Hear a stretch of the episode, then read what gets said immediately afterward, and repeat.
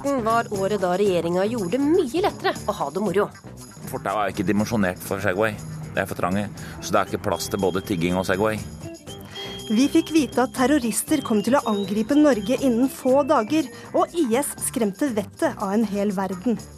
De så at ISIL-gruppen halshogde flere menn og barn og kvinner sånn på rekke og rad. 2014 var også året da vi hedret to nobelprisvinnere og stengte døra for en annen. Det er helt uaktuelt å ta med Dalai Lama ned i kjellerstua. Velkommen til ukeslutts årskavalkade. Jeg heter Kari Li. Og jeg heter Linn Beate Gabrielsen.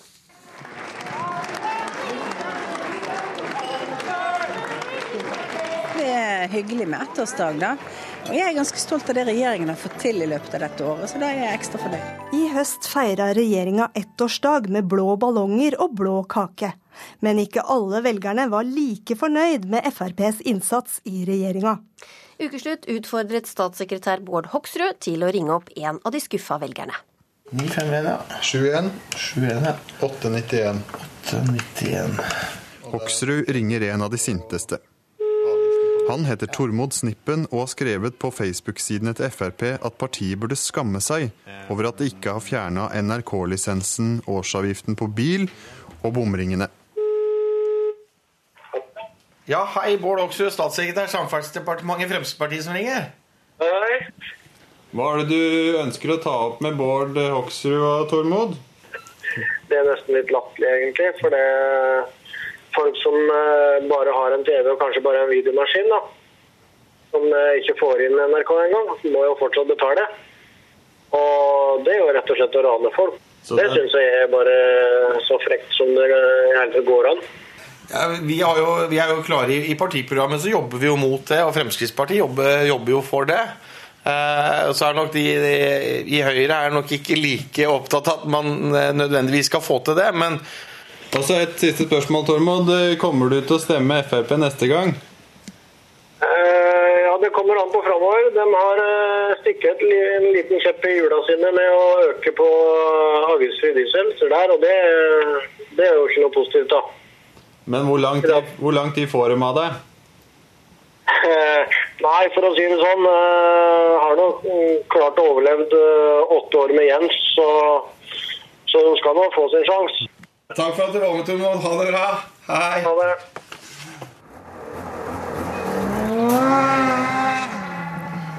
Snøscooterentusiastene og andre motorfrelste derimot har nok blitt ekstra glade i regjeringa i år. Selveste korvetteministeren, unnskyld, samferdselsministeren, gleda seg kanskje aller mest. Min drømmebil Jeg kunne veldig godt hatt en korvette. Jeg kunne òg veldig godt hatt en Ford Mustang, men den bilen jeg drømmer aller mest om, det er nok en Dodge Viper. For meg som har bodd eh, noen år i USA, så bringer dette tilbake gode, gamle minner om mange opplevelser jeg har hatt eh, innenfor amerikansk bilkultur. Get your motor running. Head out on the highway. Ketil Solvik-Olsen sitter bak rattet på en strøken Corvette C5 2003-modell. En sportsbil som det nå er blitt rundt 80 000 kroner billigere å importere til Norge. Born to be wild.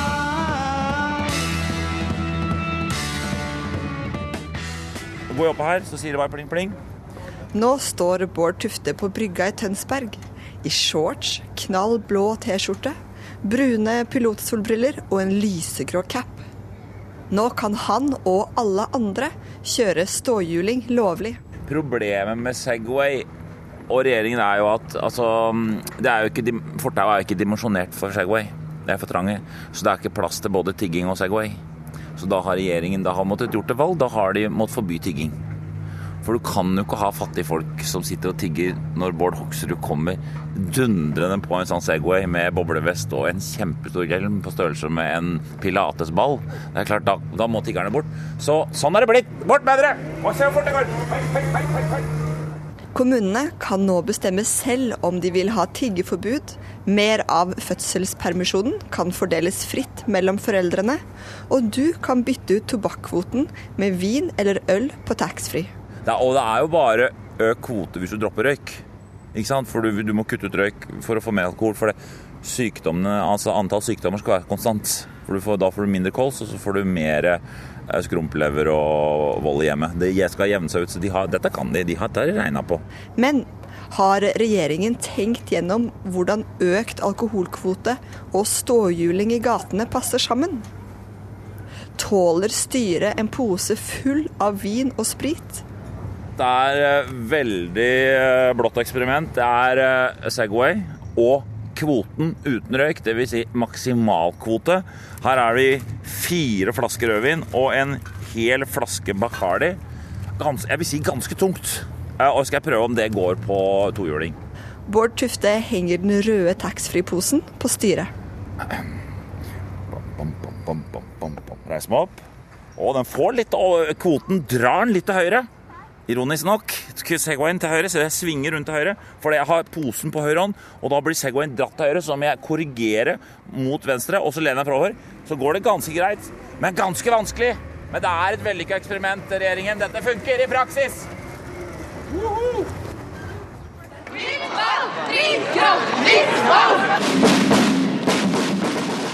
Årets 8. mars-tog fikk gamle kvinnesaksforkjempere til å bli blanke i øya, for endelig var det kamp som i gamle dager.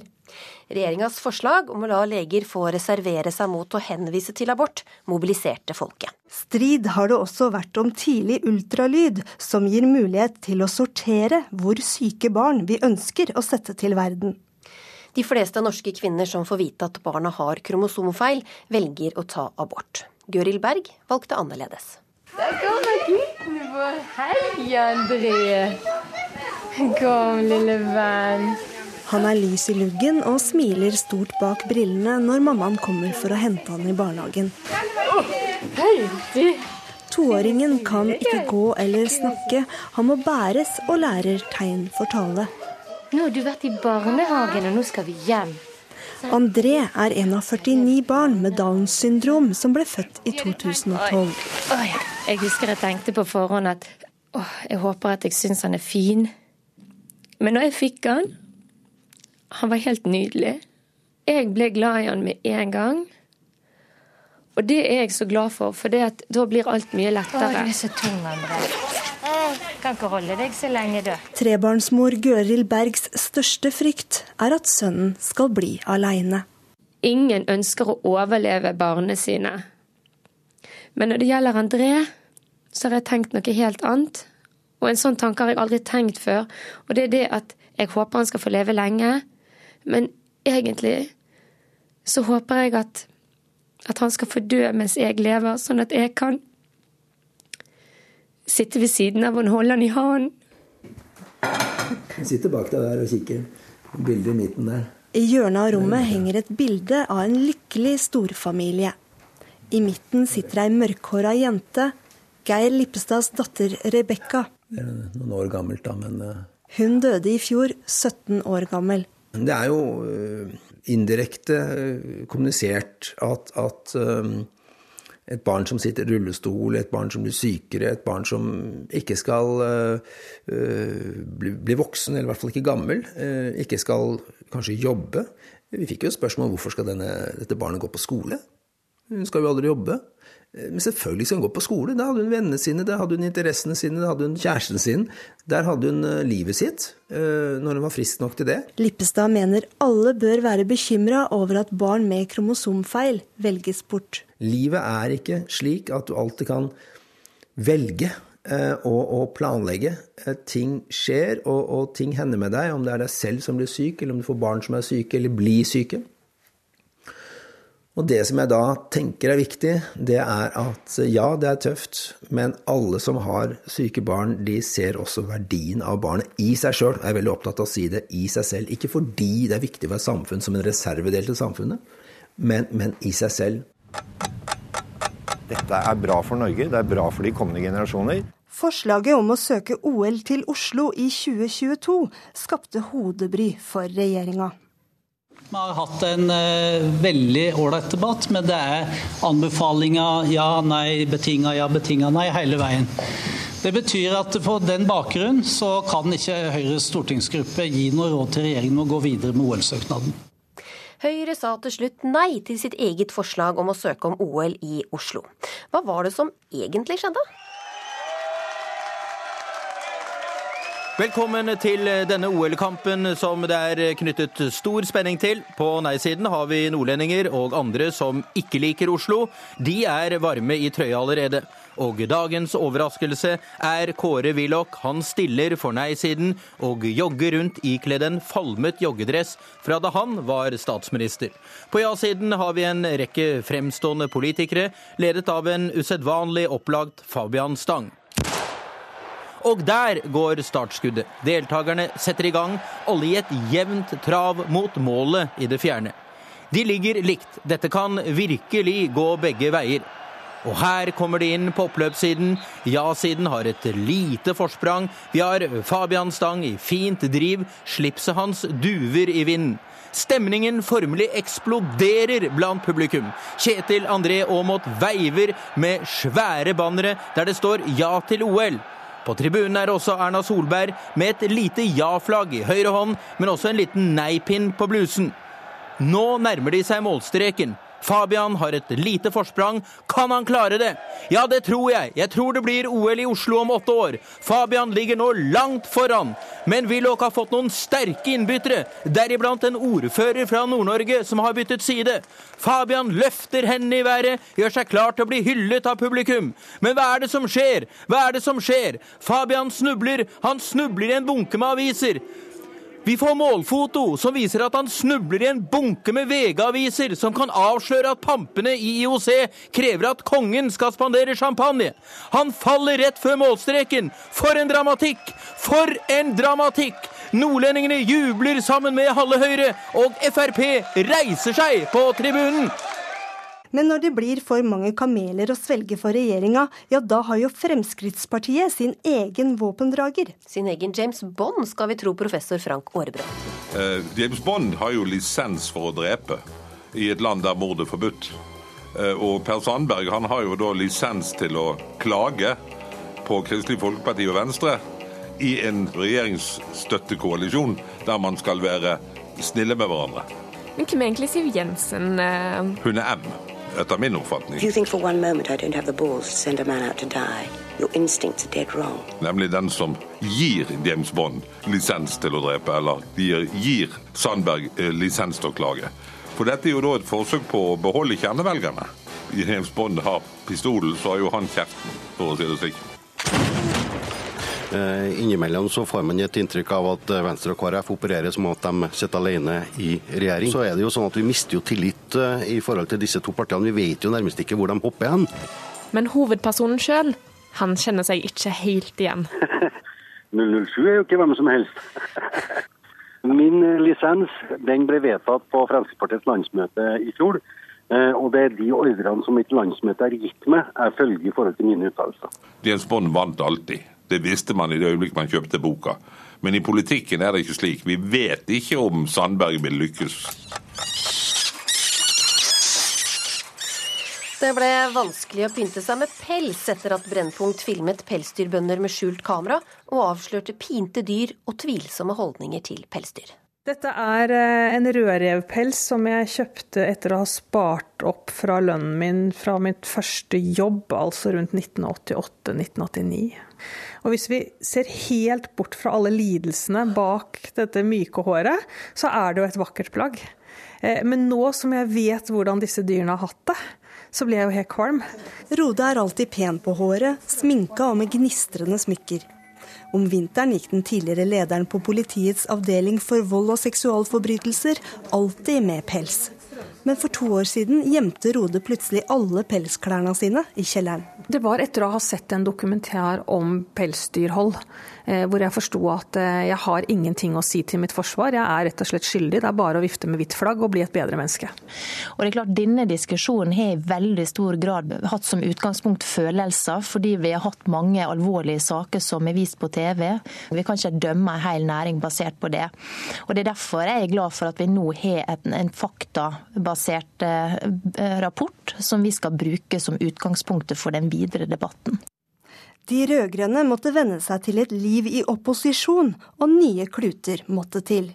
Jeg er innstilt på å gi stafettpinnen videre til den som, som landsmøtet mener er best egnet til å overta. Partileder Liv Signe Navarsete kasta inn håndkleet allerede i januar. Dermed var spekulasjonene i gang. Og Senterpartiets uregjerlige fotsoldater fortsatte med lekkasjer eller regelrette drittpakker i media. Det ligna en eh, viss dramaserie om amerikansk toppolitikk.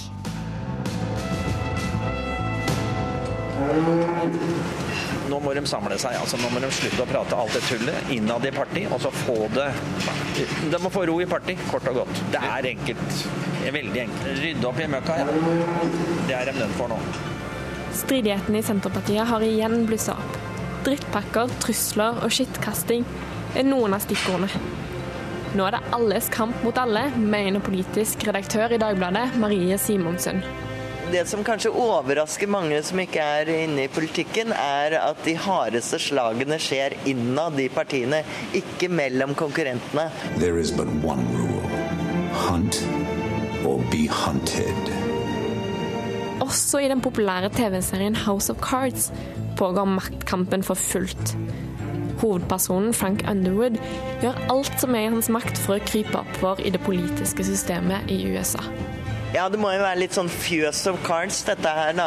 Men eh, eh, må se opp for høygafler her, eh, virker det som. Hvis det blir Trygve Slagsvold Vedum som blir lederen, og alt ligger jo an til det, så er jo han en veldig jovial type som jeg tror at alle, alle kan eh, godta. Så sier jeg jo her sånn, da. Konsekvensen av EFs filosofi er at man importerer nødvendige råvarer, og så eksporterer man sult, ressursutleggelse, forurensning, arbeidsledighet, krig, sosial uro og et økonomisk virvar.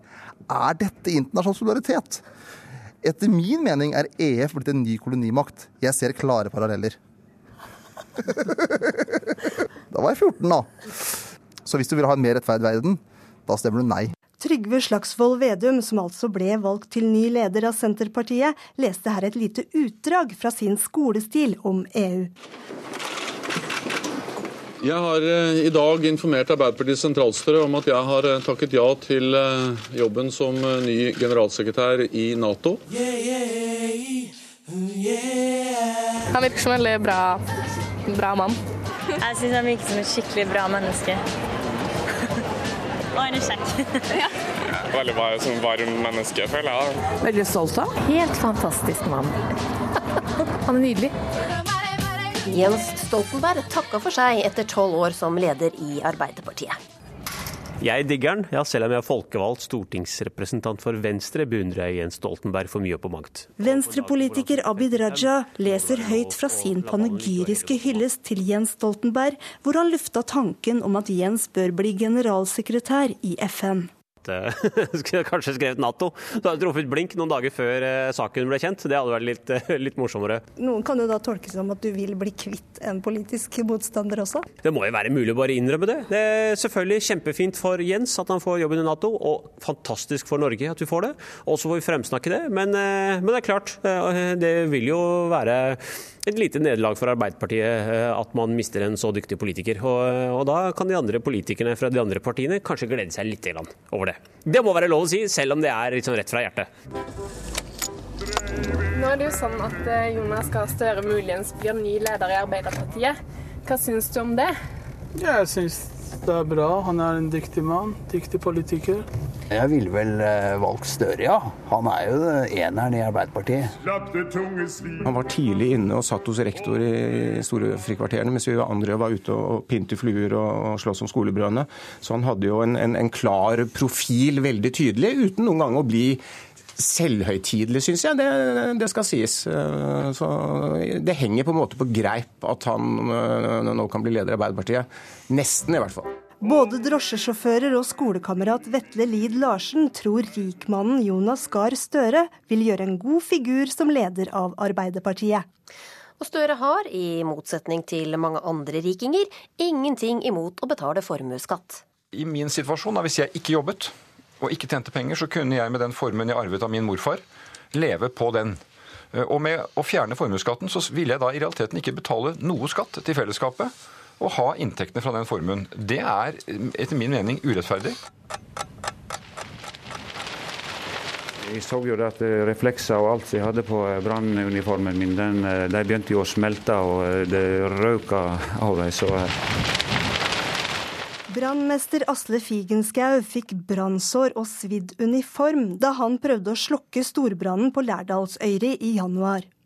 I sterk vind som skjøt ildkuler fra hus til hus, var det en tøff kamp for brannmannskapet. alle gjør alt for å prøve å stoppe den brannen. Men når flammene står loddrett rett ut eh, 10-15 meter og, og, og begynner å sleike opp etter husveggen ved sida av og når vi prøvde å sprute vann på, eh, så i det verste vindkastet så fikk vi vannet tilbake midt i trynet. Da hadde jeg lyst til å bare sette meg ned og grine, for at da visste jeg ikke hva vi skulle gjøre. Heldigvis gikk ingen liv tapt, men 40 hus og bygninger ble til aske på den vesle halvøya. Renato Fossens lille sønn sleit i ettertid med å sove aleine. Han, eh, gutten min på fire som var her og ble evakuert eh, i verste krigssona når det var på det verste her, da. Han eh, er voldsomt stille og vil ha ei hånd hele tida.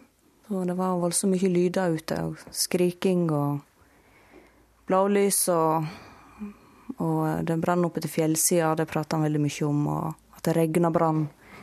Oppe i fjellsida ulmer det fortsatt. Nede på Lærdalsøyri står folk og ser på brannruinene. Noen har vegger innhylla i frossen slokkevann. Andre er utbrent, strippa til grunnmuren og pipa. Det lukter svidd. Jeg tror det går lang tid før det går inn, det går inn skikkelig. Olaug Nundal så at barndomshjemmet gikk opp i røyk, men sliter med å fatte at det er borte for godt. Jeg tenker fortsatt at jeg skal fram der og jeg henter noe. Liksom. Mm. Du, tenk, du, tenker at det ligger et hus der? Ja, jeg gjør det. At det er ikke Enda jeg har sett at det er vekke, men jeg, jeg gråt ifra meg den første dagen, søndag. John Magne Hiller hadde nettopp pussa opp barndomshjemmet og planla pensjonisttilværelsen sin der. Han fikk se drømmen i flammer på TV. Det er litt annerledes å se det på fjernsyn, og det blir da er litt sånn film og uvirkelig og på avstand. Når du kommer liksom helt innpå det og, og, og vet at eh, det er huset mitt, det var huset mitt, da det, det siger litt innover på en måte som eh, ja, en merker det helt inn i sjela hvis en har noen. Petter Northug har skuffa oss i år. Skihelten og Sverigeprovokatøren har måttet tørke av seg gliset og be om unnskyldning i så vel skisporet som på privaten. Det har jo ikke vært et eneste resultat etter at han gikk ut av, av landslaget. Ja, Kanskje én etappe i Tour de Ski? Ja, nei, det var litt dødt egentlig, så det er bare å håpe at, at det løsner litt, at man har mer krutt. Du, jeg tenker at kanskje han har fått andre interesser. Kanskje han er sliten av å gå på ski. Kanskje det ikke er så morsomt lenger. Altså, Even om Petter ikke ens får være med, even om han ikke, ikke får åke, så prater alle journalister og alle prater om Petter, som nå når han ikke fikk åke her om dagen. Ja, men hvorfor det, tror du? Hvorfor det? Ja, men det, det er jo for at han er så bra.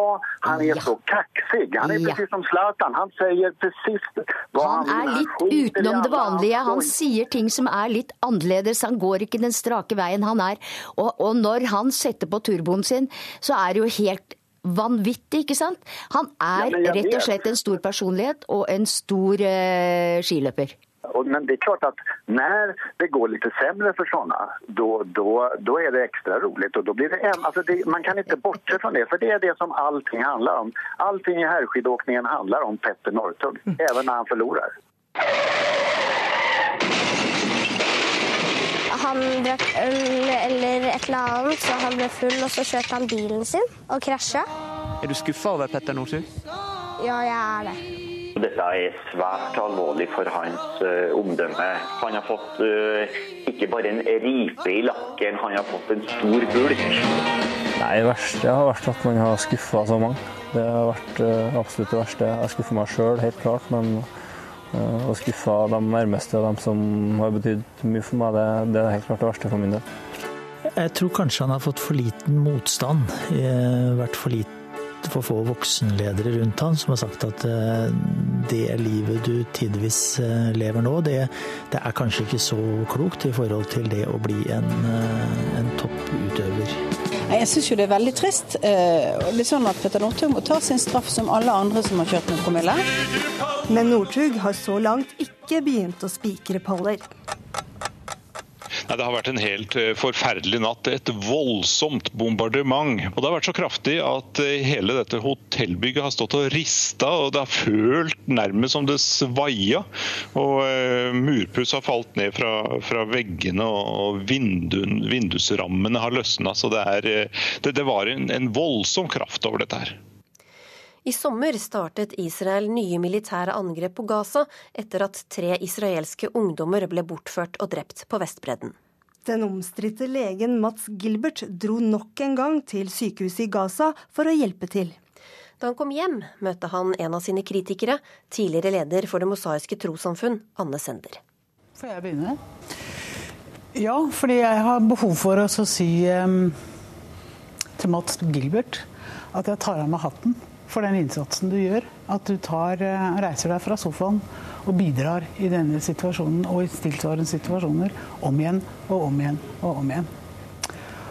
Og så sier jeg med det dypeste alvoret jeg greier, at når du går utover hjelpearbeiderrollen og blir også eh, jury og dommer, journalist og analytiker, så mener jeg at du til tider er med på å røre opp i det vannet hvor det skapes mye hat, og hvor det fylles mye opp i de mytene som det allerede er veldig mange av. Vår oppgave er å ansvarliggjøre begge parter når vi ser og står midt i de konsekvensene som det du, eh, som det du gjør. Og jeg opplever at du i liten grad eh, ansvarliggjør også Hamas for de strategiene og de måtene de velger å gjøre dette på. Mm. mm. Jeg lytter. Jeg lytter og hører at du ikke har noen beklagelse av at eh, det til nå er også drept 1260 eh, palestinere. Og 80-90 eh, av de, ifølge FN, er sivile. Det er drept snart 250 barn. Det er det budskapet jeg har kommet med. Jeg lytter til deg og hører at du ikke er opptatt av det, men du er opptatt av å kritisere at jeg formidler det. Altså, Den hæren som du støtter, bombet natt til i går FN-skolen i Shabalia og senere på dagen markedet i Seshaia. Og det ble altså drept eh, nærmere, jeg tror det var nærmere 50 stykker, og mange hundre skadde kom til Shifa. Eh, dette blir altså fordømt av en hel verden, men de som støtter Israel, sier at dette er altså palestinernes skyld. Jeg, nå begynte du som om jeg ikke har vært med i debatten her lenger fordi du har vært der. Jeg har sagt utallige ganger at jeg mener den, at partene har satt hverandre i den situasjonen som gjør at dette nå skjer, det syns jeg er helt utholdelig.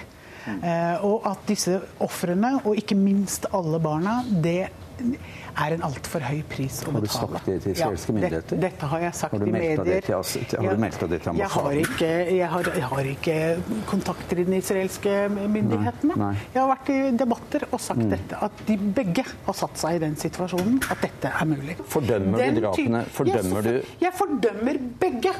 Jeg fordømmer at begge nå, bruker Nå spør jeg deg. Fordømmer Nei, du at staten Israel har drept 250 palestinske barn? Jeg fordømmer at de har satt seg i den situasjonen. Akkurat, så du legger skylda på dem? Det er jeg det du mener at de begge ja, er ansvarlige. Du legger skylda på dem. Det er drept to sivile israelere. Den, det er drept 1260 sivile palestinere. Det er helt forferdelig, og jeg mener prisen Men du legger skylda på begge? Jeg legger skyld på begge. Absolutt. Jeg mener Hamas sin strategi De ble ikke enige denne gangen heller.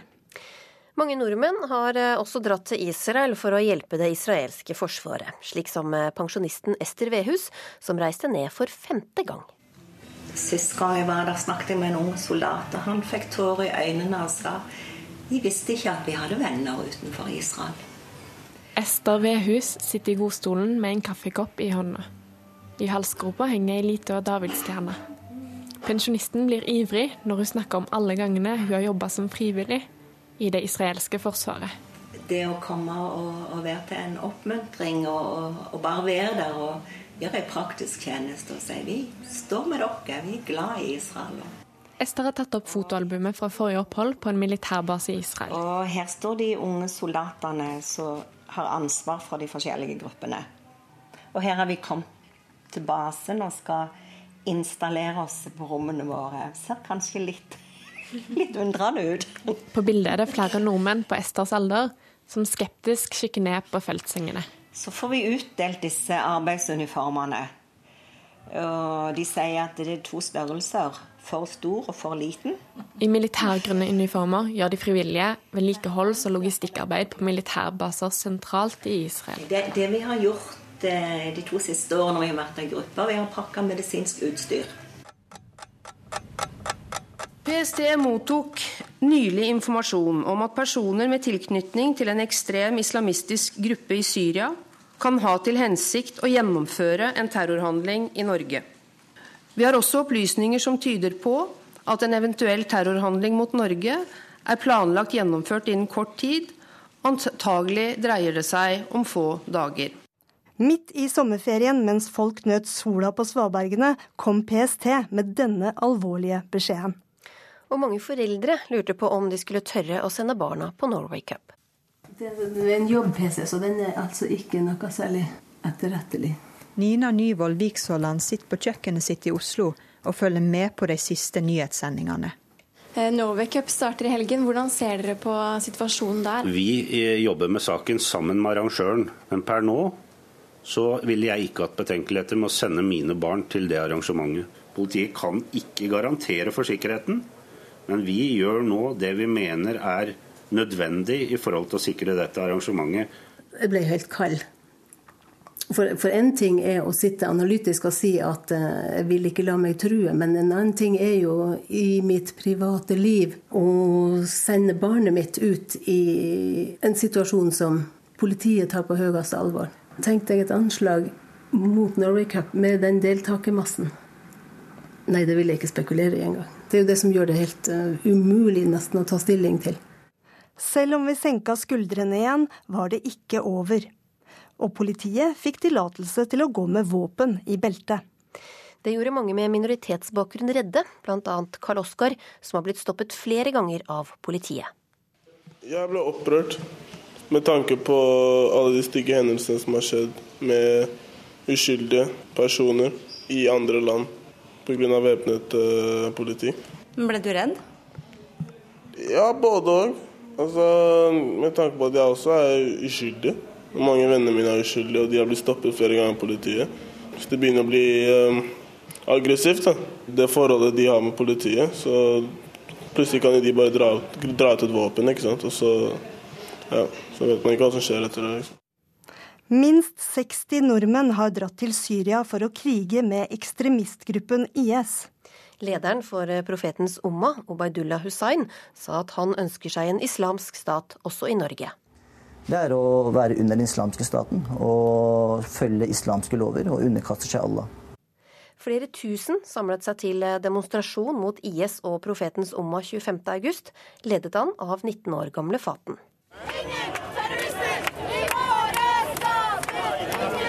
Men én ting er sikkert, og det er at vi er enige i at vi ikke aksepterer eller godtar drap, tortur, voldtekt, brutalitet mot uskyldige mennesker som ISIS og profetens Umma står bak.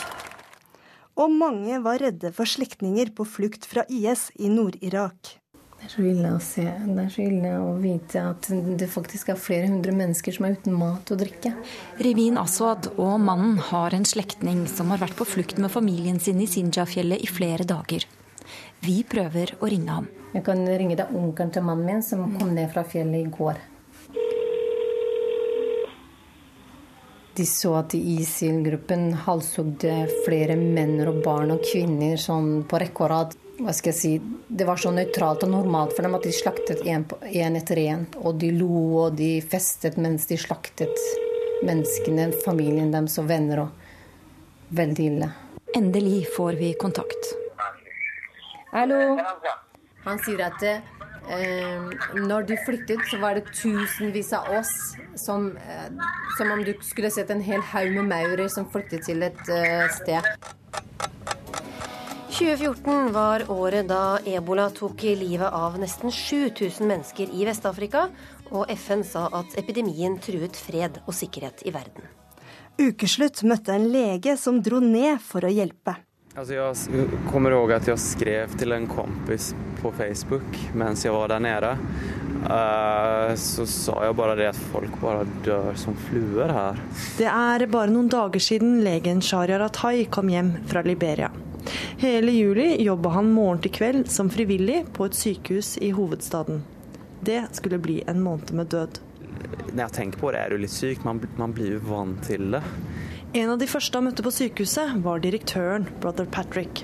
Man kunne se på hans ansikt at han hadde, en, eh, han hadde et vennskapelig ansikt. Vennlige og profesjonelle brother Patrick skulle vise seg å bli en av dem som gjorde et sterkt inntrykk på Thai. Mer om det seinere. Beatrice Day sitter på en brun kjøkkenstol i tre. Foran seg har hun en filofax med telefonnummeret, og rutinert slår hun nummeret til søsteren på linje fra Liberia får hun siste nytt. For henne er det vanskelig å høre om familiens frykt for epidemien. Alle er veldig redd, veldig redd fordi ak akkurat nå, med en gang du får sånn symptomer som malaria, alle begynner å løpe fra deg, din egen familie. Alle bare forlater deg med en gang, fordi de vet ikke forskjellen mellom ebola nå og malaria. Så jeg syns det er veldig trist den, det sterkeste minnet jeg eh, fikk fra en pasient som siden fikk, eh, man kunne bekrefte ebola på, det var jo egentlig sykehusdirektøren. For det skulle vise seg at brother Patrick skulle bli den siste pasienten Atai undersøkte, før han satte seg på et fly til et feriestille Oslo. Dagen etter at han landa, fikk han beskjed om at Patrick hadde dødd av ebola. Framfor alt ble jeg ledsen for han, at en så utrolig fin mann plutselig var død. Sen tenkte jeg på meg selv også. Litt redd ble jeg først. Og jeg tenkte igjennom eh, hendelsesforløpet mens jeg var inne i, på hans rom. Hva gjorde jeg med mine hansker? Eh, vasket jeg hendene? Og etter at jeg har tenkt på det, så eh, tenkte jeg at det er ikke logisk at jeg har blitt smittet.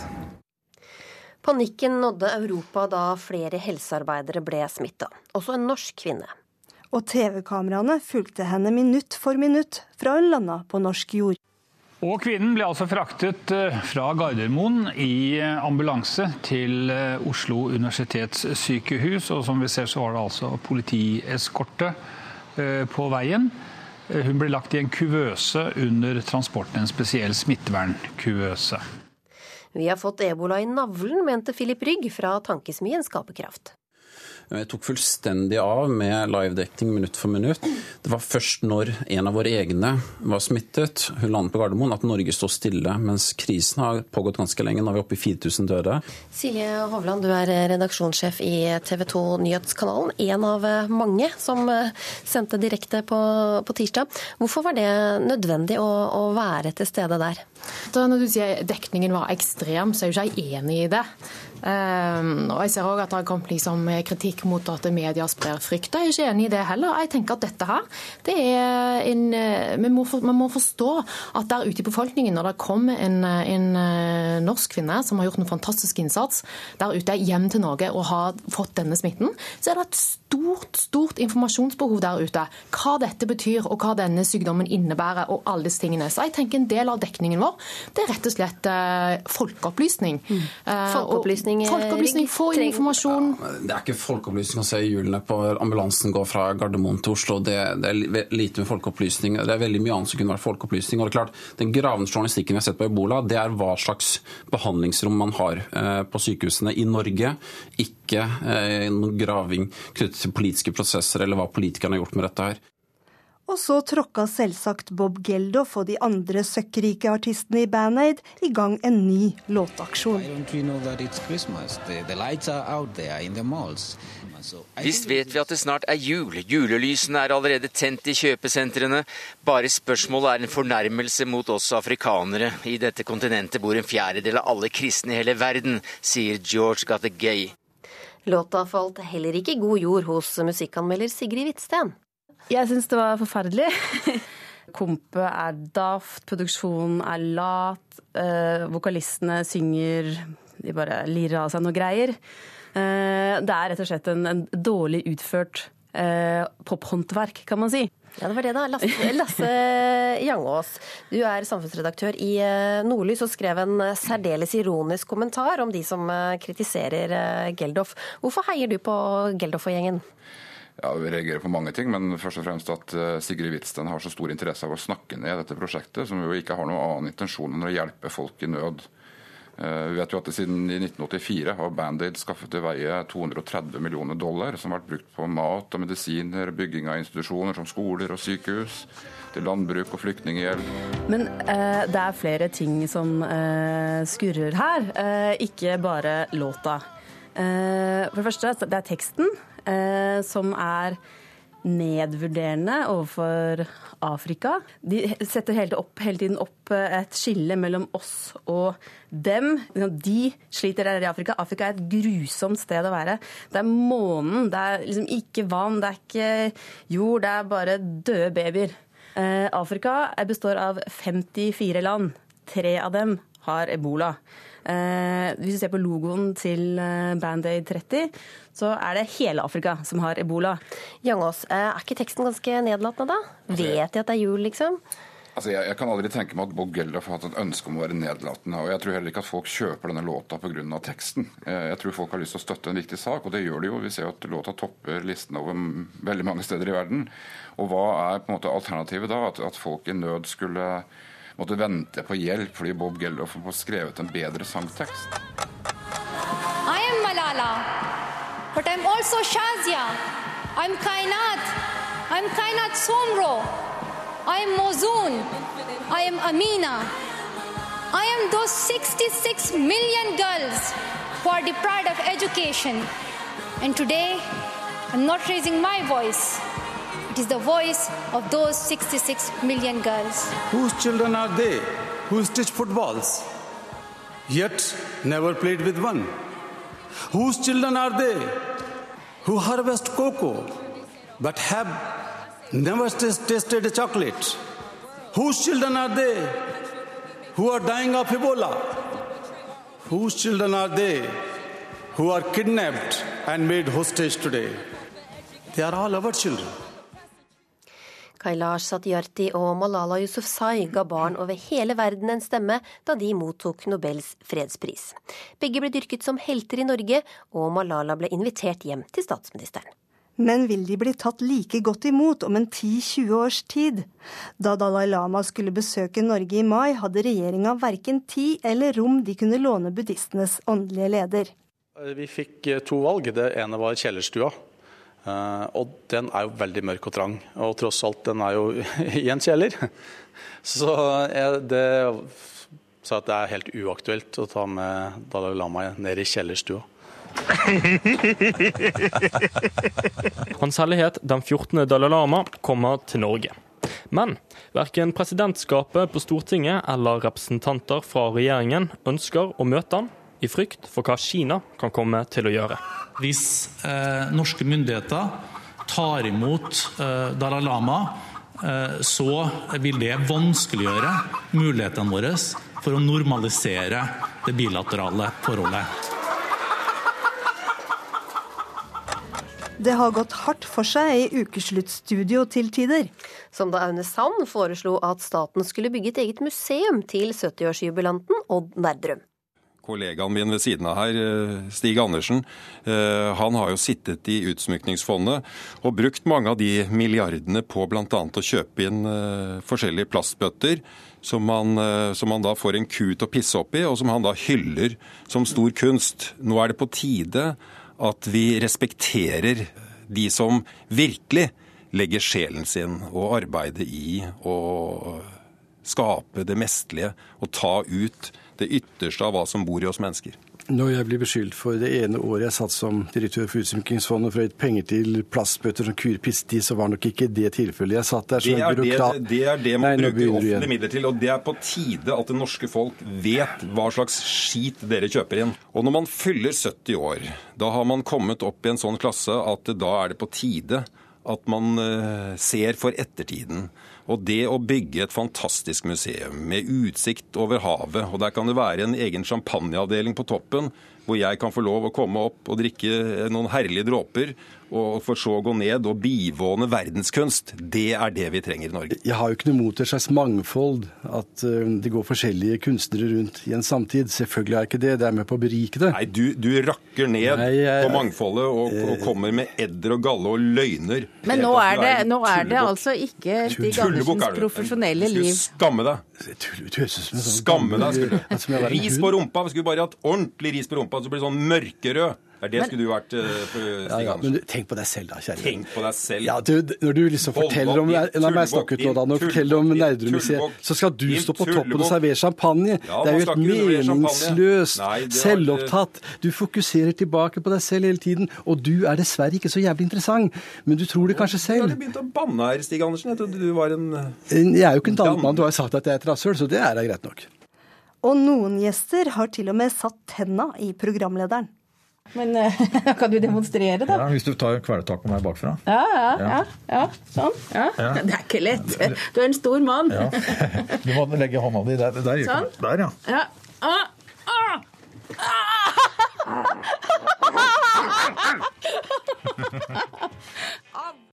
Der, der kommer Asa! Nei, det gjorde det ikke. Der. Nå skjer det. Nei Erling Fossen venta, og det gjorde vi andre også, men eh, Fjellemannen raste ikke. Beboerne ble evakuert, og hele Norge venta, noen mer utålmodig enn andre. Nå er jeg forbanna lei dette, dette er Rauma og denne mannen og dette dritet som skal det Han har hvit skjorte og mørk vest, kjører buss og er stort sett alltid sinna. Hele forbanna tida! Kjell Kjellen Bigseth ringer ordføreren i Rauma og lufter frustrasjonen flere kanskje føler på etter ei ukes venting på et steinras. Og så sprenger ut dette fjellområdet som jeg slipper å sitte oppe hele forbanna netinga og vente på at dette skal skje. Mannen står fortsatt, og skal hun forstå Carl Ove Knausgård, er det noe som står i hodet på mannen til enhver tid. Hva er det første en mann tenker på når han møter en kvinne? Jeg ser vel om det er, eh, om det er jeg liker eller ikke, da, for å si det sånn. Sex. Jeg stiller spørsmålet fordi en av Norges mest driftige forfattere, Carl Ove Knausgård, nylig har uttalt seg om menns sexdrift. Karl Ove Knausgård påsto nemlig følgende til den svenske avisa Ekspressen. Alle menn, når de treffer en kvinne, tenker på hvordan det vil være å ligge med henne. Påstanden har skapt debatt på Facebook. Noen, bl.a. komiker Harald Eia, syns Karl Ove Knausgård har et poeng. Eivind er samfunnsdebattant Eivind Trædal. Han har også slengt seg med i Facebook-debatten. Jeg tenker at jeg skal f.eks. på et møte med eh, sjefen min seinere, og jeg tenker jo ikke hver gang jeg møter henne at jeg har lyst til å ligge med henne. Det ville vært litt, eh, skapt litt rar arbeidssituasjon, tenker jeg. men altså, noen har jo sagt sånn, men kom igjen. I et nanosekund så streifer den tanken deg hver gang. Tror du han kan ha litt rett, eller? Ta mitt ord, jeg tenker ikke på det. Ikke nå heller, f.eks. når jeg snakker med deg. Er du helt ærlig da? Ja, jeg er helt ærlig. Kjendisfotograf Rolf Ørjan Høgseth har knipset tusenvis av bilder av lettkledde damer.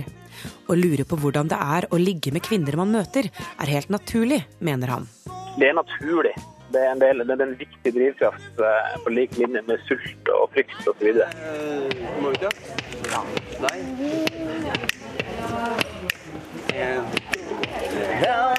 wrong? Something for real.